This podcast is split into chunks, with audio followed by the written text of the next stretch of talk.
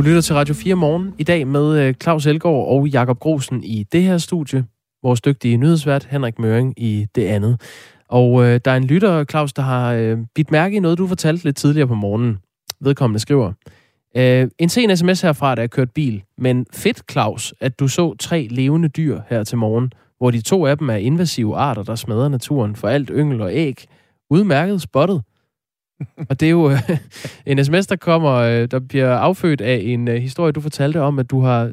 Øh, ja, hvad var det, du så? Jeg så en, øh, en mink, en mor og en, øh, og en, og en, øh, en mink, en mor og en øh, morhund. Det lyder som begyndelsen på en herredårlig vidighed. Ja, det er ikke engang løgn. En mink, en mor og en morhund gik ind på en restaurant. ja, øh, og resten er historie. Jamen, øh, hvilke af de to, tre er invasive arter? Jamen altså, en morhund er jo en øh, invasiv art, og der hvor jeg bor, der ser jeg faktisk øh, rigtig mange af dem. Øh, jeg så også en udsendelse i tv om, at man må vil skyde dem med natsigte og kigger, der man har fået skudt 10.000, og nu må jeg ikke hænge mig op på tallene, men, men de må jages konstant, og de er jo mm. også en trussel for naturen.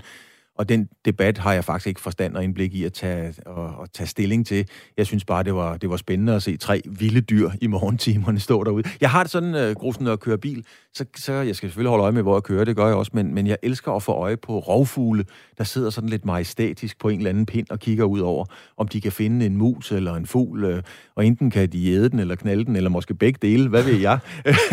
men, men jeg elsker bare at få øje på de der fugle, så jeg kigger altid efter rovfuglen. Jeg synes, de er så æstetiske, og øh, de er så fantastiske. Og så så jeg bare de der tre andre dyr også.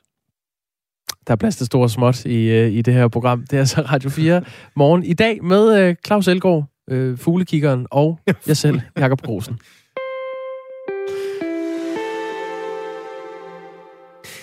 Jehovas vidner skal stoppe med at udfordre, øh, eller opfordre, hedder det, deres medlemmer til at udstøde de folk, som ikke længere er en del af troen. Det mener Simon Ørgaard, som er tidligere Jehovas vidne og formand for Ateistisk Selskab. Derfor forsøger han nu at stable en principiel retssag på benene mod Jehovas vidner her i Danmark. Mit mål med det er ikke en erstatning, eller for eksempel at gøre deres... Øh, jeg gør det ulovligt. Det er jo svært at lovgive om. Men man kunne i hvert fald måske komme frem til, at øh, Jehovas vidner ikke længere skal være et anerkendt trosamfund i Danmark. Altså statsstøtte til en organisation, som er forholdsvis stor, som udøver de ting. Det ved jeg ikke, hvad vi får godt ud af her i samfundet, så det kunne jeg godt tænke mig at prøve. Det siger altså Simon Ørgaard, øh, som er formand for Ateistisk Selskab. Vi har forsøgt at få øh, talsmanden fra Jehovas vidner i Skandinavien til at stille op øh, til interview her i Radio 4 morgen her til morgen. Vi vil gerne høre, hvordan de forholder sig til øh, de her danske planer om en retssag, der skal gøre det ulovligt for trosamfundet at slå hånden af tidligere Jehovas vidner, men talsmanden for Jehovas vidner har ikke ønsket at stille op til et interview. Annika Wittemar er institutleder og religionssociolog på Københavns Universitet og har i mange år forsket i Jehovas vidner, øh, kan derfor gøre os klogere på, hvorfor Jehovas vidner tror og agerer, som gruppen gør. Godmorgen, Annika Wittemar. Godmorgen.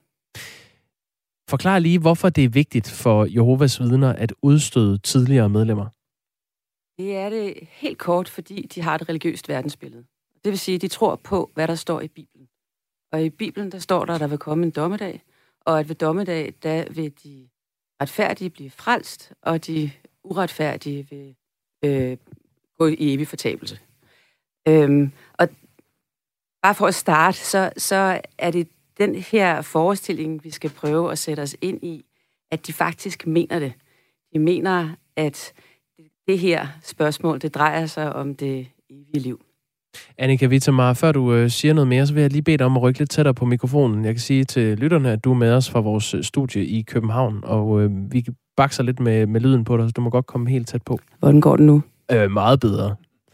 Er det, øh, er det af ond mening, at Jehovas vidner har den her praksis med, at man udstøder folk, der ikke bekender sig til troen? Nej, tværtimod. Så er det for at få så mange som muligt med til det evige liv. Hvordan det? Øhm, Jehovas vidner er det, man vil kalde for bibelfundamentalister. Og det vil sige, at de tror på, at det, som der står i Bibelen, skal tages bogstaveligt. Og de øh, mener også, at de anvisninger, der står i Bibelen, de er ret tydelige på, hvordan man skal leve sit liv. Øhm, og sådan med lidt mere moderne briller kan vi sige, at det gør Jehovas vidner til en bevægelse, som er konservativ i forhold til for eksempel seksuelle normer. Øh, så sådan noget som sex før ægteskab eller øh, sex, altså utroskab, øh, det vil være noget, som de vil sige, at Bibelen giver helt klare anvisninger på, fører til fortabelse. I Belgien har den en gruppe af tidligere Jehovas vidner jo vundet en øh, principiel retssag mod Jehovas vidner-organisationen. Det er domstolen i Gent, der har slået fast, at det er øh, diskriminerende og at opfordre til had og vold, når Jehovas vidner opfordrer deres medlemmer til at udstøde tidligere øh, vidner. Derfor er Jehovas vidner blevet idømt en bøde på det, der svarer til godt øh, 700.000 danske kroner. Hvad er det for dig at se, Annika Vitamar, for nogle udfordringer, der kan være, hvis man bestemmer her i Danmark, altså ved en lignende retssag, at en organisation ikke må øh, opfordre til udstødelse af tidligere medlemmer? Hvilke problemer kan der være ved det? Der, der er flere, øh, og hvis jeg starter på det mest lavpraktiske, så er det, hvordan man kontrollerer det. Fordi at det her med ikke at pleje omgang med tidligere Jehovas vidner, det er i høj grad øh, det sociale. Og det svarer til, at man skal kontrollere, hvor tit man øh, hilser på folk, drikker kaffe med folk, har folk på besøg, er venner med folk, øh, gifter sig med folk. Øh, og det er simpelthen svært at opretholde. Det, det er så kontroldelen, fordi så kan vi godt tale om, hvordan at, at et samfund kan sætte nogle grænser og sige, at det her det er normen. Det er så det andet spørgsmål, som er mere filosofisk, som handler om øh, principper som religionsfrihed, der handler om, altså i forhold til øh, menneskerettighederne, i, og i forhold til religionsfrihed, øh, om vi vil tillade folk at have den her verdens øh, overbevisning. Og det er lidt mere filosofisk i forhold til, det, det er et spørgsmål om tolerance. Vi vil være et samfund, hvor at vi tillader folk at have holdninger, altså religiøse holdninger, som strider imod majoritetens holdninger, eller vil vi ikke? Men det er vel også et spørgsmål, om vi vil tillade øh, social kontrol, øh, psykisk vold, hadforbrydelser. Det er jo også noget, vi har øh, lovgivning for i dag, og når vi øh, netop taler om social kontrol, så handler det jo meget om, om netop det, der man kan sige, der foregår i Jehovas vidner, når man bliver øh, underlagt et pres for, at man bliver udstødt af det fællesskab, man kender. Man må ikke se sin familie eller sine venner, hvis man ikke bekender sig til den tro, som der nu er. Øh, tror du, at man kunne tage sådan nogle paragrafer i brug? Øh, nu er jeg ikke jurist, så, så det synes jeg, I skal snakke med nogle jurister om. Men når det er sagt, så er det øh, svært at afgøre, hvad der er social kontrol. Jeg har nemlig regler for, hvis man slår, hvis man øh, udtaler sig øh, krænkende, så, så, så har vi allerede love for det. Men hvis man skal være sammen med folk, det har vi ikke love for endnu, og så er spørgsmålet så, om man kan lave de love, så de præcis rammer Jehovas vidner, og ikke andre familier, som har konflikter og ikke har lyst til at se hinanden. Men der er jo folk, øh, som mener, at de er blevet udsat for social kontrol af Jehovas vidner.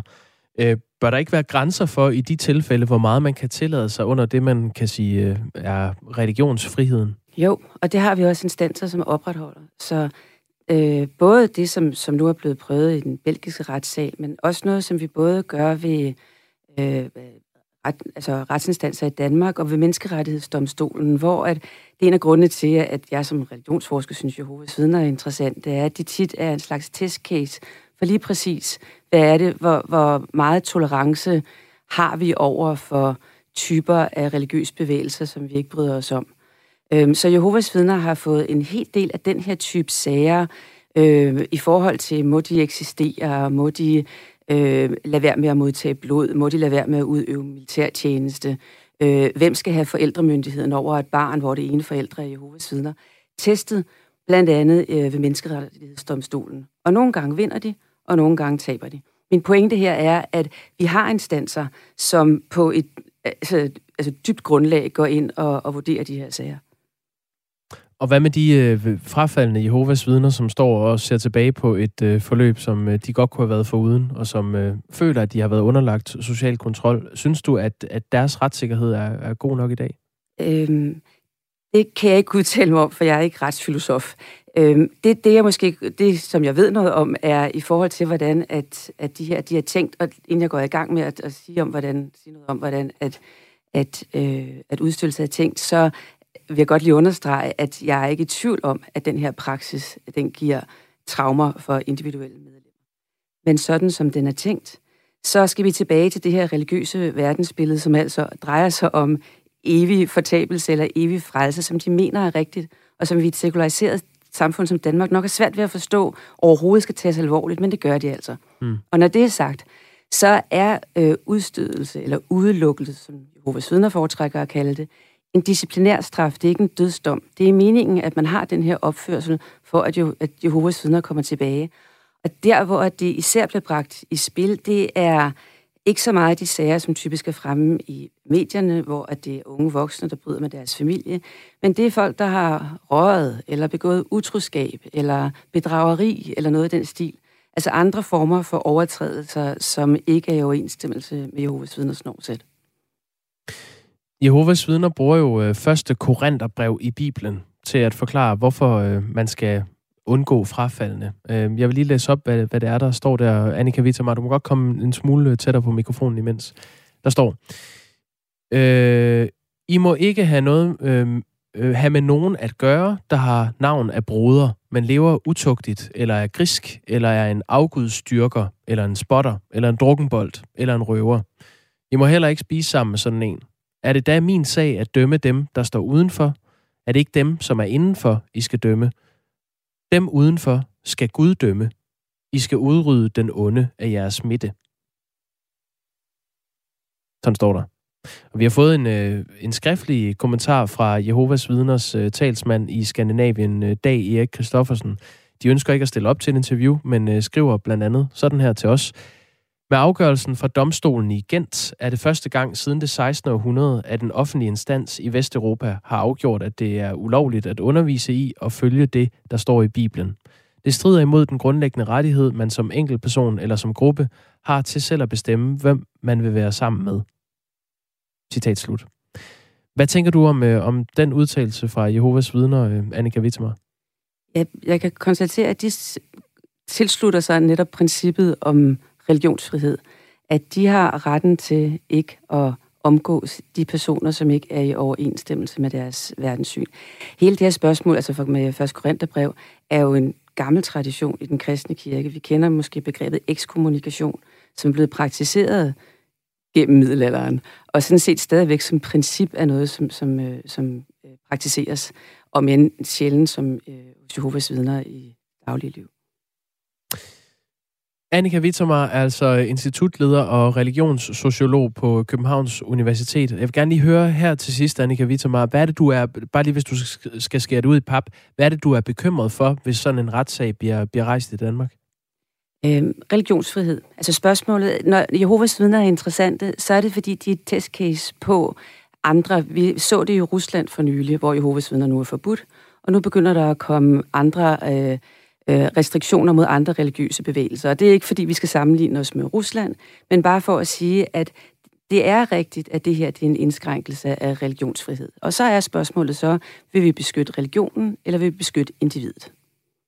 Sådan lød det fra Annika Wittemar. Tak fordi du var med. Selv tak. Altså institutleder og religionssociolog på Københavns Universitet. Du øh, kan finde en øh, Radio 4-reportage, der behandler den her problemstilling og den mulige øh, retssag i Danmark mod Jehovas vidner.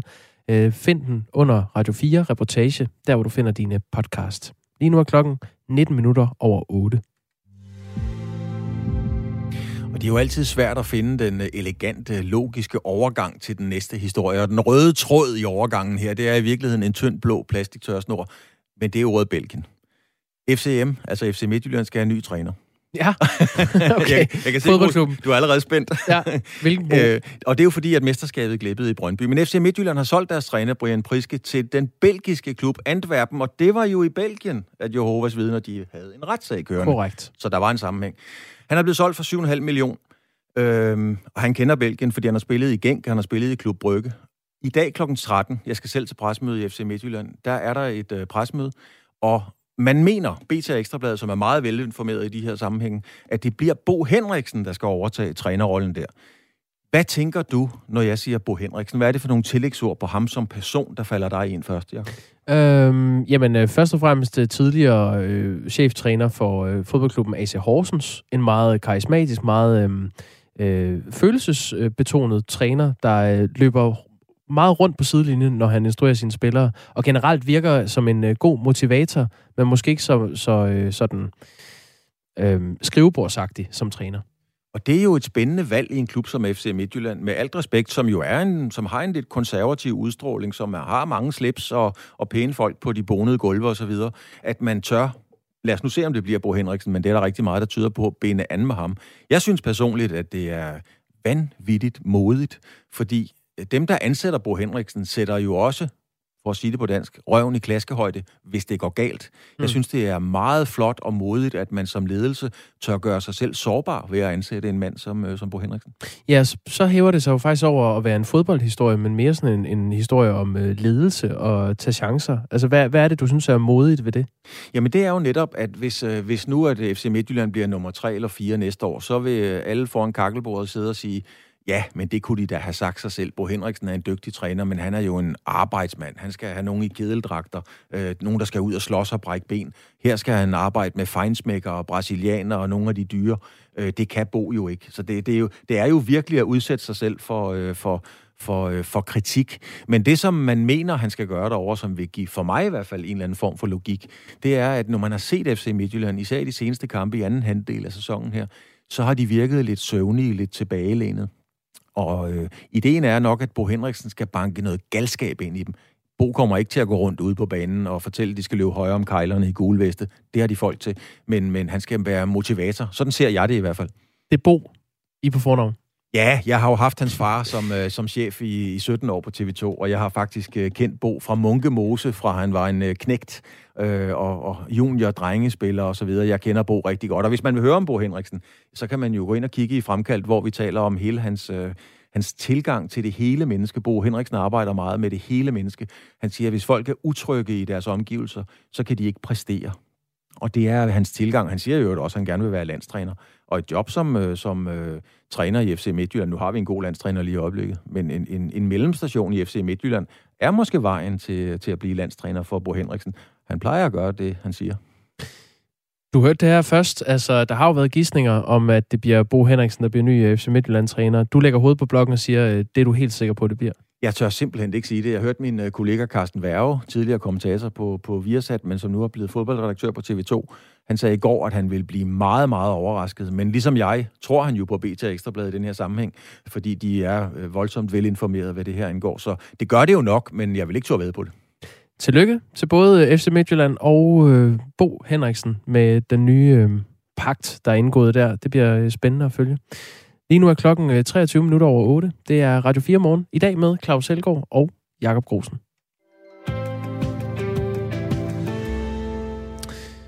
Nu skal vi til USA. I takt med USA's øh, genåbning vokser en gammel epidemi nemlig frem på ny i USA – det er antallet af masseskyderier, der er under markant stigning. Senest i øh, weekenden, hvor to mennesker blev dræbt og mindst 20 såret i et masseskyderi i Miami. Øh, det skete ved en lokal rappers release party i det øh, nordvestlige Miami i Elmora Bankley Hall i Florida. USA-journalist Anne Alling øh, var tidligere på morgen med her i Radio 4 Morgen og fortalte om det her masseskyderi, der fandt sted i Miami i weekenden. Tre gerningsmænd de kom ud af en, øh, af en hvid Nissan på øh, parkeringspladsen, iført elefanthuer og hoodies, og så begyndte de at skyde mod den folkemængde, som, som var samlet ude foran øh, det her forsamlingshus. De skød med pistoler og automatrifler ind i folkemængden, og så blev der så svaret igen med skud fra folkemængden ud mod de her gerningsmænd. Øh, der er flere af de unge, som, øh, som faktisk blev ramt af skud, som ringede til deres forældre øh, lige bagefter og fortalte dem om, at de var blevet, var blevet ramt og fortalte om det kaos, der var, og de altså hundredvis af tomme patronhylstre, som lå rundt omkring på parkeringspladsen øh, bagefter, og altså kostede to mennesker livet. Øh, mindst 20 blev, blev såret, og tre er stadig i, øh, i kritisk tilstand. Ifølge hjemmesiden om øh, ja, den hedder gunviolencearchive.org. Øh, den monitorerer, hvor mange skyderier, der har været i USA, og ifølge den har der indtil videre været 237 masseskyderier i USA, og det er alene i år, hvor året er jo ikke engang et halvt år gammelt.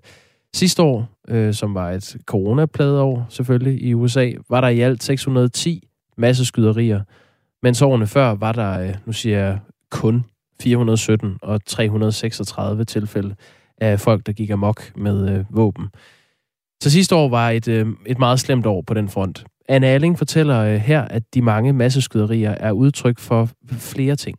Det sker samtidig med, at der i det hele taget er en, en stigning i, i kriminalitet, især i store byer rundt i øh, USA. Øhm, og det kommer altså samtidig med, at, altså, at landet har været lukket ned. Øh, der har været en, og er fortsat en, en desperation i den amerikanske øh, befolkning med, med ja, ting, der har været lukket, folk, der er arbejdsløse, en, en, altså sådan en, en usikker økonomi. Og så kommer det også samtidig med, at man kan måle en, altså en eksplosion i våbensalget i USA. Og det er svært ligesom direkte at, at sige, hvor, hvor meget de er koblet til hinanden, men vi kan altså se, at der i 2020 skete en stigning på mere end 65 procent i våbensalget i USA. Det er normalt, at øh, det sidste år var jo valgår i USA, og det er normalt i valgår, at man ser en, en noget stigning i, i våbensalg i USA, men sidste år var altså fuldstændig uhørt. Øh, der er aldrig blevet solgt så mange våben i USA, som, som der blev det sidste år. Og det er både øh, på grund af valgkampen, hvor øh, for eksempel mange mere sådan konservative amerikanere er nervøse for, hvad en demokratisk præsident vil betyde for deres adgang til våben, men også altså, i forbindelse med, med coronaepidemien, hvor rigtig mange amerikanere har været enormt nervøse for, hvad den her krise ville, ville gøre for sikkerheden i USA, og så altså også i forbindelse med de her store demonstrationer, som vi især så øh, sidste år i løbet af sommeren i forbindelse med demonstrationerne efter drabet på George Floyd. Så en masse ting, der, der spiller sammen, øh, hvor vi altså ser en, både en stigning i kriminalitet, men altså også en, en enorm stigning i, øh, i våbensalget, og faktisk så en femtedel af de våben, som, øh, som blev solgt sidste år, de bliver købt af, af amerikanere, som aldrig har haft våben før. Så vi ser også, at, øh, at det ikke bare er amerikanere, der normalt bevæbner sig, der har flere våben, men også amerikanere, som ikke plejer at være bevæbnet, som, øh, som nu går ud øh, og køber våben. Selvom øh, debatten om våbenlovgivningen i USA går øh, rigtig mange år tilbage, så er den stadig yderst aktuel. Det fortæller Anne Alling her. Det er jo, altså våbendebatten i USA er elgammel, og den, den kører altid. Øhm, og jeg har i løbet af det sidste år øh, besøgt mange, for eksempel sådan nogle våbenmarkeder, hvor altså amerikanere i den grad har udtrykt en, øh, en bekymring for, for ligesom sikkerheden i landet og følt en, en større øh, ligesom, nødvendighed til at, at beskytte sig. Men samtidig er, er amerikanerne også øhm, altså enormt kede af det, og også på en måde sådan meget opgivende over for den store stigning i våbenvold, og altså især også i masseskyderier, som, øh, som, som, som de oplever. Øh, og så er diskussionen jo evig og altid omkring, hvorvidt at når der sker en, en stigning i kriminalitet, om, om svaret så er at, at bevæbne sig selv personligt mere for at kunne beskytte sig selv mere, eller hvorvidt det handler om at ligesom afvæbne befolkningen. Øh, og altså hernede i konservative Tennessee, hvor jeg er, der hælder man mest til øh, at købe flere våben, når, øh, når der sker en stigning i våbenvold.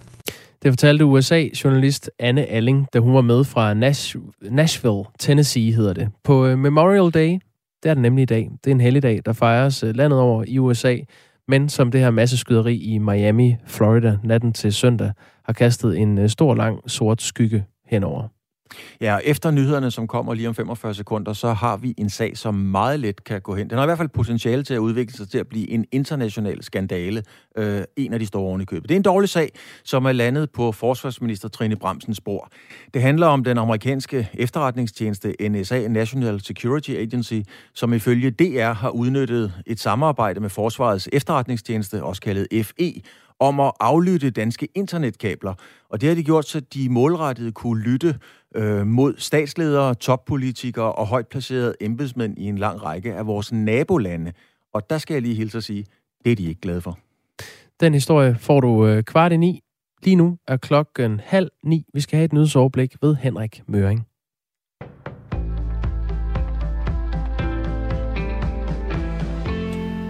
Venstre er ikke glad for mistanken om spionage mod allierede og venner, det siger udenrigsordfører Michael Ostrup Jensen efter DR's afdækning af, at Forsvarets efterretningstjeneste har lavet den amerikanske efterretningstjeneste NSA spionere mod toppolitikere i Danmarks nabolande, Sverige, Norge og Tyskland.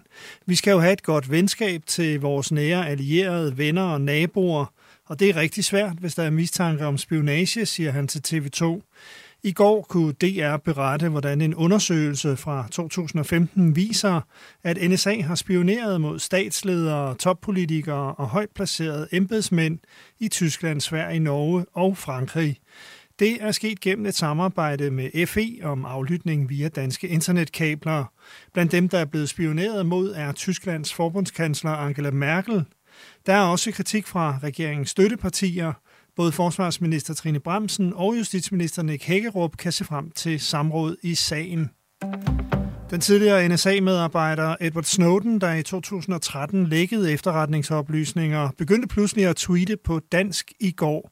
Åh, hvorfor advarede ingen os, skriver han blandt andet. Snowdens tweet kommer efter DR's afsløringer, som han linker til. Hans tweet er tydeligvis sarkastisk. 37-årige Snowden lever i eksil i Rusland. Den amerikanske stat, som anklager Snowden for spionage og tyveri af statshemmeligheder, vil gerne have fingrene i ham. Møderhjælpen frygter, at et nyt kontanthjælpssystem især vil ramme børn af indvandrere og flygtninge. Ydelseskommissionen fremlægger i formiddag kl. 10 sine anbefalinger til, hvordan et nyt kontanthjælpssystem kan indrettes. Det skal samlet set være udgiftsneutralt ifølge kommissoriet fra regeringen. Dermed bliver nogen ramt økonomisk, når de politiske forhandlinger går i gang, lyder det fra Møderhjælpens direktør Nina Thomsen. Det kan godt bekymre mig, at, at det, som der, der er fokus på her, det er netop specifikt kontanthjælpsloftet, men, men dem, der er på hjemsendelsesydelse for eksempel, øh, og nogle af de andre lave ydelser, der er for, for flygtninge, øh, det er nogle af dem, som så vil blive ramt. TV2 erfarer, at kommissionen vil anbefale, at kontanthjælpsloftet fjernes. Kommissionen vil samtidig foreslå et optjeningsprincip på alle ydelser for udlændinge. Det skal ifølge mediet ligne et princip fra Folkepensionen, hvor ydelsen afhænger af, hvor længe man har boet i landet. Det vil i praksis betyde, at nogle børnefamilier får flere penge, mens nytilkommende flygtninge og indvandrere får færre. Økonomien skrumpede i årets første tre måneder, hvor store dele af samfundet var ramt af nedlukning. BNP, der er et udtryk for størrelsen af et lands økonomi, faldt med 1,3 procent sammenlignet med kvartalet før. Det viser en opgørelse fra Danmarks Statistik. Faldet skyldes, skyldes især nedlukningen i begyndelsen af året, som betød, at forbruget gik ned. Selvom faldet i BNP i procent kan synes lille, er det det tredje største fald i et kvartal siden finanskrisen. Vietnams største by, Ho Chi Minh-byen, vil teste alle sine 13 millioner indbyggere for coronavirus, det rapporterer nationale medier. Meldingen kommer efter, at millionbyen har oplevet en stigning i antallet af lokale smittede. Sundhedsministeriet i Vietnam fortalte i forgårs, at der var blevet opdaget en ny mutation af coronavirus. Den nye hybrid er angiveligt yderst smitsom og spreder sig hurtigt i luften. Tørt og solrigt 17-23 grader og svag til jævn vestlig vind.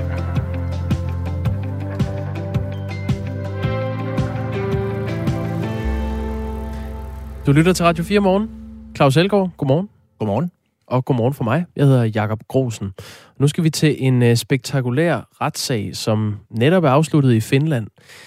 Den handler om en 52-årig øh, dansker, som er tiltalt for drab og drabsforsøg på den færge, der hed Viking Sally for 34 år siden. En 18-årig tysk turist og hans to år ældre kæreste var ombord på færgen, hvor de overnattede i øh, soveposer ude under det åbne på øh, helikopterdækket. Og så blev den tyske mand fundet dræbt, og den tyske kvinde var brutalt overfaldet. Vi har øh, Nikolaj Kenneth Pedersen med. Han er journalist på DR Dokumentar og har fulgt den her retssag i byretten i Turku i Finland gennem hele sidste uge og fredag med. Godmorgen, Nikolaj Kenneth Pedersen. Godmorgen. Den her sag blev altså afsluttet i fredags, og nu mangler man bare øh, domsfældelsen. Øhm, lad os lige lægge ud med at høre, hvorfor den her sag er så spektakulær, som den er. Ja, man kan sige, det er der jo, det er der jo flere grunde til, og det er jo også en, altså, i sagens natur en meget, meget tragisk sag. Men, men en af de grunde til, at den øh, særligt er bemærkelsesværdig eller spektakulær, er jo, at der er gået så mange år siden, at, øh, at den her forbrydelse er sket, og så lige pludselig, så er den her mand her blevet, øh, blevet øh, øh tiltalt for den her forbrydelse. Men øh, altså, det, det, handler, det handler jo dels grund om, at, øh, at, at de her to tyske øh, interrail-turister, der var ombord på færgen, de lige pludselig nærmest, øh, kan man kalde det, ud af det blå, bliver angrebet den her nat til den 28. juli øh, 1987. Og øh, politiet, de, øh, undskyld, og øh, de bliver så øh, fundet af en gruppe spejder, blandt andet den her, den her 18-årige danske mand, der var på vej på spejderlejr. Og på et eller andet tidspunkt, øh, så, øh, så, undskyld, så går der nogle, en, en, en lang række år faktisk, før der ligesom sker noget. Politiets efterforskning går jo selvfølgelig i gang. Det er rela, relativt øh, uh, omfattende efterforskningsarbejde, som politiet de, uh, de går i gang med. Men der sker faktisk ikke rigtig noget uh, gennembrud. De har nogle, et, nogle enkelte mistænkte, det finske politi. Og så på et eller andet tidspunkt i, i midten af 90'erne, så, uh, så æbber den her efterforskning ud. Så ved vi så fra retten af, at omkring 2018, der, øh, der melder de så også ud i medierne, at øh, de genoptager den her sag her, som har været uopklaret i så mange år, og så begynder de så at efterforske den igen. Og så sidste år i december, så lige pludselig, så melder den finske anklagemyndighed ud, at de har tiltalt øh, en mand i den her sag, og det var den mand, der faktisk dengang var kendt som en af heltene. For den her mand her, der er tiltalt i dag, og øh, som retten førte sag mod i Turku i sidste uge, var faktisk en, der var kendt som en held, både i, i de finske medier for dengang, for han var en af dem, der fandt de her to ofre her, og faktisk også forsøgt at hjælpe dem. Ja, det har jo været fortællingen i diverse artikler fra dengang, at, at det var den her dengang 18-årige danske øh, spejder, som tilkaldte hjælp, da han fandt de her to øh, personer. Hvad er det, hans historie har været i mellemtiden? Fordi han er jo blevet et par 50 nu. Ja, den her mand, han viser sig så at have haft en, øh, en, en, en lang kriminel løbebane. Han har siddet i fængsel i rigtig, rigtig mange år. Øhm, og så lige pludselig, og det er faktisk også det, som øh, noget af det, som sagen mod ham bygger på, og grunden til, at han kom i politiets søgelys igen, det er, at han for nogle år siden, der bliver han dømt for trusler mod sin ekskone, hvor han blandt andet har skrevet til hende i forbindelse med den her, øh, de her trusler her, at han har slået ihjel to gange før, og han kan bevise det men hvis, han kan, men hvis nogen nogensinde siger noget om det, må man forstå, så kan han ryge i et fængsel i lang tid, og det er han altså ikke interesseret i. Ud, ydermere så skulle han også ifølge anklagemyndighedens bevisførelse i retten også have tilstået den her forbrydelse her over for flere andre personer efterfølgende. Det siger han dog selv i retten, at øh, det er kun noget, han har gjort og fortalt de her ting om, han har, at øh, han har begået det her øh, det her øh, drab her, må man formode, at det er noget, han har gjort for at hæve sig selv i fængslet, altså fortælle nogle historier om sig selv, der ikke passede for at hæve sig. Det er en, det er ligesom en af de store øh, ting, som den her øh, sag her på, mod ham bygger på i retten i Turgo. Derudover så er han også blevet tiltalt, øh, eller så indgår det i tiltalen, at, at, øh, at det ligesom er at på grund af en detalje omkring noget information, han har haft på et givet tidspunkt, som anklagemyndigheden ikke mener, at andre end gerningsmanden ligesom skulle, øh, skulle have haft. Og det er den detalje omkring, at der aldrig er fundet et gerningsvåben til den her forbrydelse her, men man formoder, at der er brugt et eller andet redskab til at påføre de her to tyske ofre de massive skader, de, øh, de havde, som den, den, den tyske mand øh, endte med at dø af. Og i den forbindelse, der er anklagemyndigheden øh, øh, tiltalt ham, og øh, på grund af, at han er kommet i, i politiets opmærksomhed, på grund af nogle udsagn, han er kommet med til, i tiden, blandt andet til, til de finske medier dengang, og også øh, til politiet, hvor han har talt om, at han har hørt eller fået den idé, at der skulle være brugt en såkaldt slakkehammer ved forbrydelsen. Det er sådan en, øh, en hammer med en flad øh, ende og en meget spids ende, som man for eksempel kan bruge til at banke rust løs på sådan et skib. Og der mener anklagemyndigheden, at øh, fordi der aldrig er blevet fundet et gerningsvåben, så må den tiltalte have den viden et eller andet sted fra. Altså for eksempel, at det var ham, der skulle have begået forbrydelsen, at han ved, hvad der er brugt til forbrydelsen.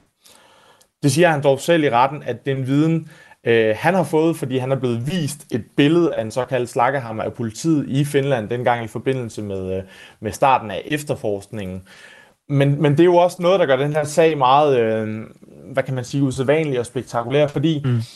meget af det, det her det handler om, det er også vidner øh, og ham selv, øh, den tiltalte, det, det har at gøre med minder, der er fire, knap 34 år gammelt. Så det er både det er meget, meget svært for ham og for de øvrige vidner at huske, hvad de har set, hvad de har oplevet, hvad de har øh, øh, læst i efterfølgende i artikler om, hvad der er sket dengang. Så, så, så det hele det virker meget rodet op i, i, øh, i, i vidnernes hukommelse, fordi man blander mange ting sammen, når det er så mange år siden, at det her det er foregået. Nikolaj Kenneth øh, Pedersen er altså journalist på DR Dokumentar og har fulgt den her øh, opsigtsvækkende retssag mod en dansker ved byretten i Turku i Finland gennem hele sidste uge. Vi har fået et øh, spørgsmål fra en lytter her, der spørger, hvad, hvad tror man motivet var? Ved man det? Nej, det ved man ikke. Øhm, der er ikke nogen, som sådan, der har fremlagt et, et, et motiv, eller et, øh, et muligt motiv. Det virker som om, at den her forbrydelse her er sket ud af det blå, hvis man kan sige det sådan, at der ikke har været nogen øh, øh, forbindelse, i hvert fald ikke man kender til, til det her tyske kærestepar og øh, den eventuelle gerningsmand. Mm. For de her to tyske kærestepar, de, de var med færgen, de skulle på Interrail, øh, de vælger at ligge sig og sove på, på, på færgens dæk, fordi dengang så kunne man øh, slippe for at betale for en, en kahyt og dermed spare nogle penge. Og så lige pludselig, midt om natten, bliver de så fundet med massive skader øh, øh, i, i, i hovederne. Øh, og den tyske kvinde, som jo overlever det her, hun kan ikke huske, hvad der er sket den her aften her. Og den tyske mand, han dør jo så tragisk øh, relativt kort tid efter. Og de første vidner, som er fremme ved stedet, som blandt andet er øh, den tiltalte mand, de har ikke set noget eller hørt noget, inden at de finder dem her. Så, så der er ingen, der, der kender et reelt motiv bag den her forbrydelse. Nu har du siddet i, i øh, samme lokale som den her øh, tiltalte dansker igennem øh, længere tid. Hvad er dit indtryk af ham? Ja, man kan sige, at han optrådte i retten, han optrådte meget, meget selvsikkert i retten. Øh, man kan sige, at han svarede meget roligt og fattet på, på både forsvarernes og, og anklagernes spørgsmål. Men man kunne godt også mærke en gang imellem, at der kom en, øh, en tydelig irritation i hans svar, blandt andet på anklagernes spørgsmål, hvis de blev ved med at, at spørge om øh, specifikke ting. Fordi som han selv sagde det, hvor meget øh, spurgte anklagerne om, hvor meget kan du selv huske fra for 34 år siden. Men han optrådte ret øh, selvsikkert i retten. Og man kan også sige, at det var en, en, en, en lidt mærkværdig situation at være tilskuer til, fordi den her mand har ikke været anholdt på noget tidspunkt i forbindelse med den her retssag. Så han ankom selv til retten, han gik selv for retten, han var selv ude og holde pauser og stod blandt øh, os andre udenfor øh, og blandt de andre vidner. Og øh, det har jeg ikke oplevet før, at man er tiltalt i en morsag, og så er en fri mand og går til og fra retten selv, og selv frivilligt er kommet til Finland for at deltage i en retssag, som, øh, hvor han er, er, er den tiltalte. Vi mangler jo stadig en dom i sagen, men mm. uh, retssagen er som sådan afsluttet. Uh, hvad forventer du, der kommer til at ske, og hvad, hvad argumenterede anklagerne og forsvaren for? Ja, øh, anklagemyndigheden mente jo selvfølgelig, at han skulle dømmes for det her, fordi at øh, det ligesom indgik i deres øh, bevisførelse, at øh, han kunne kun være den eneste mand, og det er ham, der har gjort det på grund af, at han har haft den her specifikke viden, og han har øh, hintet til, at han skulle være øh, manden bag det her øh, til, til for eksempel til, til forskellige vidner igennem tiden. Men der skal man så også huske, at det er jo anklagerens opgave at bevise, at det er ham, at det er den tiltalte, der har begået den forbrydelse her. Forsvarsmyndigheden skal jo ikke bevise, at han ikke har gjort det. Og der er en meget stor del af den her sag her, de, de, den afhænger af såkaldte indicier. Altså der er ikke nogen klare tekniske beviser eller nogen vidner, der har set øh, ham eller andre begå den her forbrydelse her, så er det jo øh, så er det jo selvfølgelig op til dommerne. Det er meget svært at spekulere i, øh, hvad hvad der kommer til at ske, men det er i hvert fald øh, det, dommerne har trukket sig tilbage nu for at finde ud af, hvor, om han skal dømmes, eller om han skal frifindes. Og det har de udbedt sig fem ugers betænkningstid til at gøre. Det var længe. Det er rigtig længe.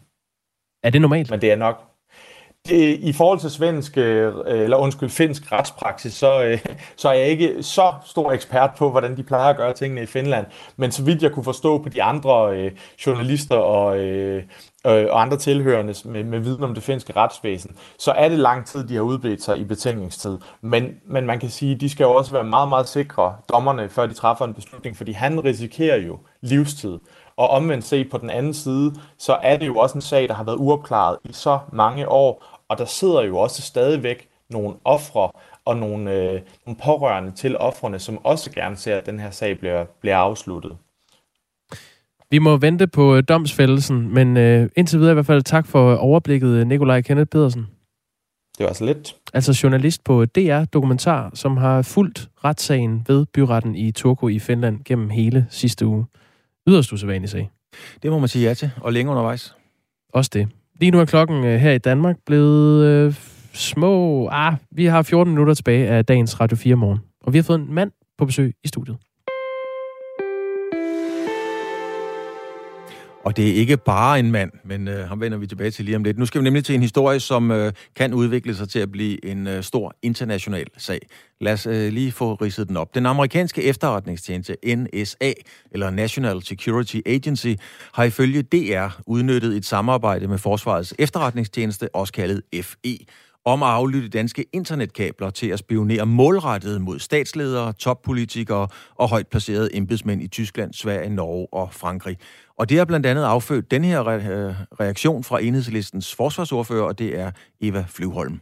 Det er jo fuldstændig uacceptabelt. Og for det første, så skylder den danske regering jo vores nabolande og politikerne i vores nabolande en kæmpestor undskyldning. Og for det andet, så må man simpelthen kræve, at de kommer med nogle klare garantier om, at det her bliver undersøgt. Og nu kan jeg så sige godmorgen til manden, og det er dig, Peter Ernst, ved indehaver af forsvarsmediet Olfi, samt vært på Radio 4-programmet Frontlinjen. Det her, det har potentiale og kimen til at blive en stor sag, og du kan fylde mange timer med at fortælle om den, Peter, men fortæl os lige, hvad er op og ned i det her? Ja, altså man kan sige, det nye i det her, det er jo egentlig i gåsøjne bare, at vi nu får bekræftet, at de kabler, som FE har stillet til rådighed for amerikanerne, er blevet brugt af amerikanerne til at indhente oplysninger fra allierede, altså populært sagt spionere mod allierede, som Angela Merkel, den tyske kansler, og andre prominente politikere i vores nabolande. Og hvis man skal trække det lidt videre, så vil jeg sige, at jeg her til morgen fået en meddelelse fra en af mine læsere, der siger, jamen det har vi jo vidst i mange år. Hvad er det nye i det her? Jeg vil sige, det nye er, at det bliver bekræftet. Og, og, og derfor har jeg også svært ved at se, hvor stor en historie det virkelig bliver, fordi det, at amerikanerne også indhenter efterretninger, spionerer mod deres allierede, det er ikke noget nyt. Og, og, og man kan sige, at den her historie, den kommer jo sådan set i gang, fordi den daværende chef for Forsvarets efterretningstjeneste, han hed Thomas Arnkiel i 2015, får mistanke gennem nogle medarbejdere om, at amerikanerne bruger den aftale, de har med FE, til at indhente oplysninger. Og så iværksætter man fra FE's side en intern undersøgelse, og den er åbenbart, øh, det er nogle hackere, der bliver sat til at undersøge, hvad amerikanerne egentlig laver. Og, og som jeg kan forstå, det er det, der er kommet frem, så gør man meget ud af, at amerikanerne ikke skal have viden om, at man går i gang med den her undersøgelse. Og, og det er resultaterne af den, der åbenbart er kommet frem nu, hvor altså det fremgår, at ja, amerikanerne bruger også den aftale, de har med FE, til at spionere mod vores allierede. Og, og det er selvfølgelig ikke kønt, men det er heller ikke enormt overraskende. Man kan sige, at oplysningerne om NSA's spionage mod Danmarks nabolande gennem samarbejdet med FE, altså Forsvarets efterretningstjeneste, det indgår ifølge DR's oplysninger i en fire bind lang redegørelse, som Trine Bremsen, altså øh, forsvarsministeren, øh, øh, i august sidste år modtog fra tilsynet med efterretningstjenesterne.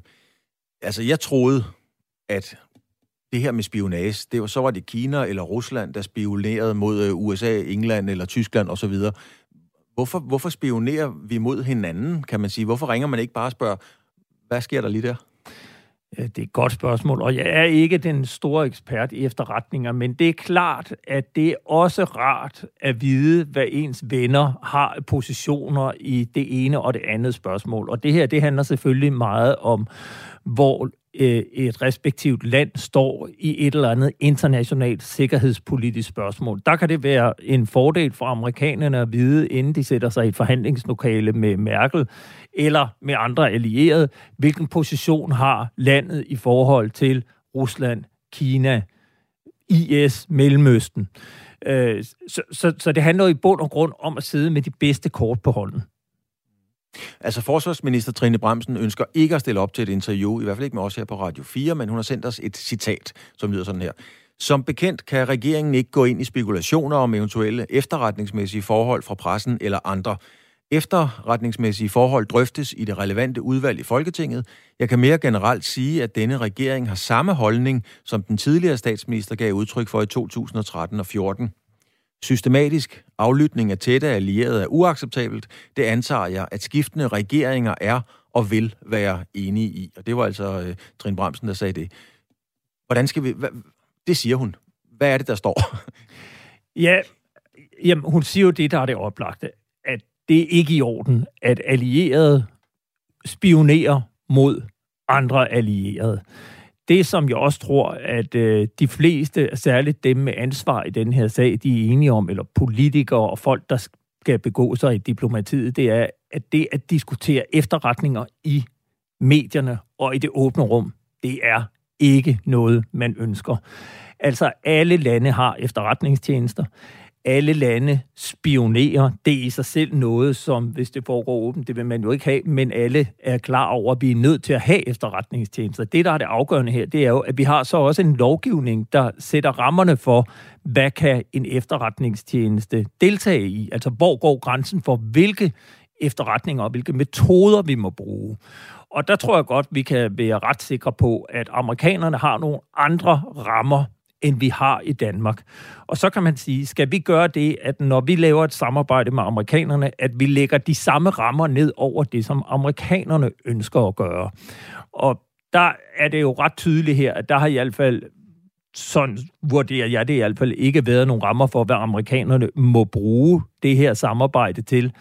Og man har i hvert fald fået en mistanke om, at det bliver brugt til noget forkert. Øh, og så er det klart, det er der ingen politikere, og slet ikke en minister, der ønsker at diskutere offentligt, hvad der foregår. Og, og jeg er også helt sikker på, at når den her sag, den skal debatteres, eller den skal diskuteres i øh, i, i øh, udvalget for efterretningstjenesterne, at der kommer vi ikke efterfølgende til at få nogen som helst kommentar om, hvad det er, der egentlig er foregået, for det skal simpelthen øh, holdes bag lukkede døre, vil man mene. Så når jeg husker tilbage i historien, og nu må du korrekte mig med årstallene, men det har været 12 eller 13, at, at, at Merkel, fru Merkel, som Ulla Terkelsen altid siger, at fru Merkel, hun blev meget vred, og jeg mener også, at Obama rent faktisk bekræftet, at der havde været aflytninger af, af hende. Øhm, er det her noget, der giver, der giver risser i Danmark? Altså taber vi troværdighed, taber vi indflydelse? Hvad betyder det for Danmark med vores samarbejdspartnere, at det her foregår gennem danske kabler? Jamen, der er slet ikke tvivl om, at øh, det er en bejmand, og det er pinligt. Det er pinligt ud over alle grænser, at det nu bliver slået fast, at danske kabler og en aftale med efterretningstjenesten i Danmark har været årsag til, at amerikanerne kunne lave den spionage mod Merkel igen må man jo sige, det er jo ikke nyt, at der var spionage mod Merkel. Det vidste vi allerede der i 12-13 stykker. Det nye er bare, at vi nu får bekræftet, at den spionage foregik gennem danske kabler, og at det åbenbart var noget, som den danske efterretningstjeneste efterfølgende fandt ud af, var foregået gennem danske kabler, og at man derfra ikke konfronterede amerikanerne med det og fik bragt aftalen til ophør, eller i hvert fald justeret. Og jeg vil sige, det er jo det nye, men den indledende skandale om, at Merkel blev aflyttet, den kørte jo for de der øh, 9-8 år siden. Øh, så, så altså, ja, der er absolut en stor nyhed i det her, men det er en nyhed oven på en gammel nyhed. Men man kan jo måske sådan være lidt kæk og omskrive et uh, George Orwell-citat, og så sige, vi er alle sammen allierede, men nogle er mere allierede end andre. Har vi ikke bare valgt at være mere allierede med USA end med Tyskland og Frankrig, for eksempel? Jo, øh, det, det er der slet ikke tvivl om, og man kan sige, i den danske sikkerheds, forsvars- og sikkerhedspolitik, der er forholdet til USA det er alt afgørende. Altså det, det er på alle plan, at vi ønsker at øh, være meget, meget nært knyttet til amerikanerne. Vi er gået med i alle deres krige. Vi har et tæt samarbejde på flere områder. Vi har lige købt nye kampfly i USA. Vi køber masser af våben i USA. Vi har et tæt samarbejde med efterretningstjenesterne. Så langt hen ad vejen, så handler det her om, at vi først og fremmest ønsker at være gode venner med amerikanerne. Og hvis det så har nogle konsekvenser i forhold til vores naboer, som vi også er gode venner med, så øh, er det noget, man må takle derfra. Og, og, og man kan sige, der er jo ikke tvivl om, det er en meget stor rise i lakken, og det er pinligt. Det er pinligt, at Danmark må erkende, at vi har vidst det, og at det foregår, og det foregår gennem danske kabler. Men i det store hele tror jeg ikke, det kommer til at ændre særlig meget, for vi kommer ikke til at opgive den aftale med amerikanerne. Den er for betydningsfuld, og det understreger også her, hvor vigtig en rolle Danmark er for amerikanerne. Så kan man sige, en uheldig rolle, men i samarbejde med USA, der tror jeg ikke, det kommer til at øh, betyde det store, ud over at amerikanerne selvfølgelig også er trætte af, at der igen kommer omtale af, at de har den aftale med Danmark, og hvordan amerikanerne bruger den. Nogle politiske jagttager vil mene, at der er landet en del dårlige sager på Trine Bremsen, altså forsvarsministerens bord. Og her til sidst, øh, Ansved, kan det bord blive ved med at bære? Altså, man kan jo i hvert fald sige til Trine Bremsens forsvar, at denne her sag stammer fra før hendes tid hun fik en masse røg i august måned, hvor hun hjemsendte fire medarbejdere i øh, Forsvarets efterretningstjeneste, og det, hun fik kritik for, det var, at hun blæste sagen ud af proportioner. Hun satte fokus på et område, der ikke skal sættes fokus på i det offentlige rum. Jeg tror, at øh, de fleste almindelige danskere vil sige, det var der da vist en rigtig god grund til, at hun gjorde i august måned. Øh, måned. Og derfor tror jeg ikke, at lige præcis denne her sag i det offentlige og i forhold til vælgerne og sådan noget, kommer til at skade hende og Socialdemokratiet. Men du har fuldstændig ret i, hun har haft en perlerække af møgsager øh, på sit bord. Det har hendes forgænger også. Og jeg tror roligt, man kan regne med, at der også kommer møgsager på Trine Bramsens og de kommende forsvarsministres bord i fremtiden. Det er et øh, stærkt udtryk, en perlerække af møgsager Peter Ernstved, indhaver af Olfi, altså forsvarsmediet, og så vært på vores eget program Frontlinjen her på Radio 4. Tak for din analyse og indblik i denne her konkrete sag. I er. Og jeg har noteret mig her i, øh, i kølvandet på den nyhed, at uh, selveste whistlebloweren Edward Snowden har delt nyheden fra DR med ordene, og det er altså på dansk. Hvis der kun havde været en eller anden grund til at undersøge for mange år siden, åh, hvorfor advarede ingen os? Du står og smiler, Ernst ved. Vidste du godt det? Nej. Han kan tale dansk åbenbart, eller også har han brugt øh, Google Translate. Det er altså Edward Snowden, som øh, i en periode var ansat som øh, system, systemadministrator hos et konsulentfirma for efterretningstjenesten NSA i USA. Lige her i Danmark er klokken blevet to minutter i ni. Vi kan lige nå at vende, at paven nu går ind i kampen mod korruption. Ja, det vil han ikke have. Ja, det er simpelthen en, en skør, skør verden. Men efter 2000 år øh, forbyder paven nu korrupte biskopper. det... Jamen, altså, skal man grine eller græde? Man risikerer jo at støde nogen, men det er jo fuldstændig absurd. Man kan, man kan jo gøre begge dele, tænker jeg. Altså, det er den nyeste udgave af det medie, der hedder Katolsk Orientering, som øh, oplyser om, at øh, den katolske kirkes overhoved, Pave Frans, har indført en ny lov, som altså skal sætte en stopper for øh, en meget udbredt korruption blandt Vatikanets ledere. Og det betyder, at øh, kardinaler og biskopper ikke længere må modtage bestikkelse og gaver til en værdi til over 40 euro. Det vil sige øh, mere end 300 kroner, så er det øh, no-go. Ja, det der er jo interessant i vendingen, det er jo det der med, at de ikke længere må modtage bestikkelse. Så det er jo ligesom et udtryk for, jamen det har vi jo godt vidst, de har fået længe. Ja, jeg sådan kan man jo læse det. Jeg ved slet ikke, hvor jeg skal starte. Jamen, jeg tror, at man skal læse det sådan. øh, den danske øh, informationschef for den katolske kirke i Danmark, som hedder Niels Messerschmidt, har øh, udtalt sig om den her sag til øh, Ekstrabladet. Og øh, han siger, at den her politik, øh, politik vil, hvis den bliver håndhævet strengt, fuldstændig ændre måden, Vatikanet fungerer på. Øh, det her, det er et... Jamen, jeg ved slet ikke, Claus, det er så absurd. Men han siger, han forklarer, at øh, der, der har normalt været øh, gæster i Vatikanet, øh, har det været normalt, at man medbragte kontante gaver, øh, som gives af en biskop til en anden, altså en, der sidder i Vatikanet. Og øh, der er menneskets natur selvfølgelig øh, skrøbelig, som han øh, skriver her, Niels øh, Messerschmidt. Så ja, den øh, modus operandi, der har været i Vatikanet om, at man som biskop betragtet bare tog en, øh, et stort pengebeløb med til en anden biskop, når man skulle ned og tale om noget politisk, det kan man droppe for fremtiden. Og det er vel en god nyhed? Det er en rigtig, rigtig god nyhed. Man kan lige runde den af med en, øh, en meget berømt øh, kriminalforfatter, Raymond Chandler. Han skrev, det var godt nok om en blondine, men lad os omskrive den lidt og sige, det her, det er en historie, der kan få en katolsk biskop til at sparke hul i et mosaikvindue. Nogle gange er pausen det bedste redskab. Claus Elgaard og Jacob Grosen er tilbage i morgen klokken er 9.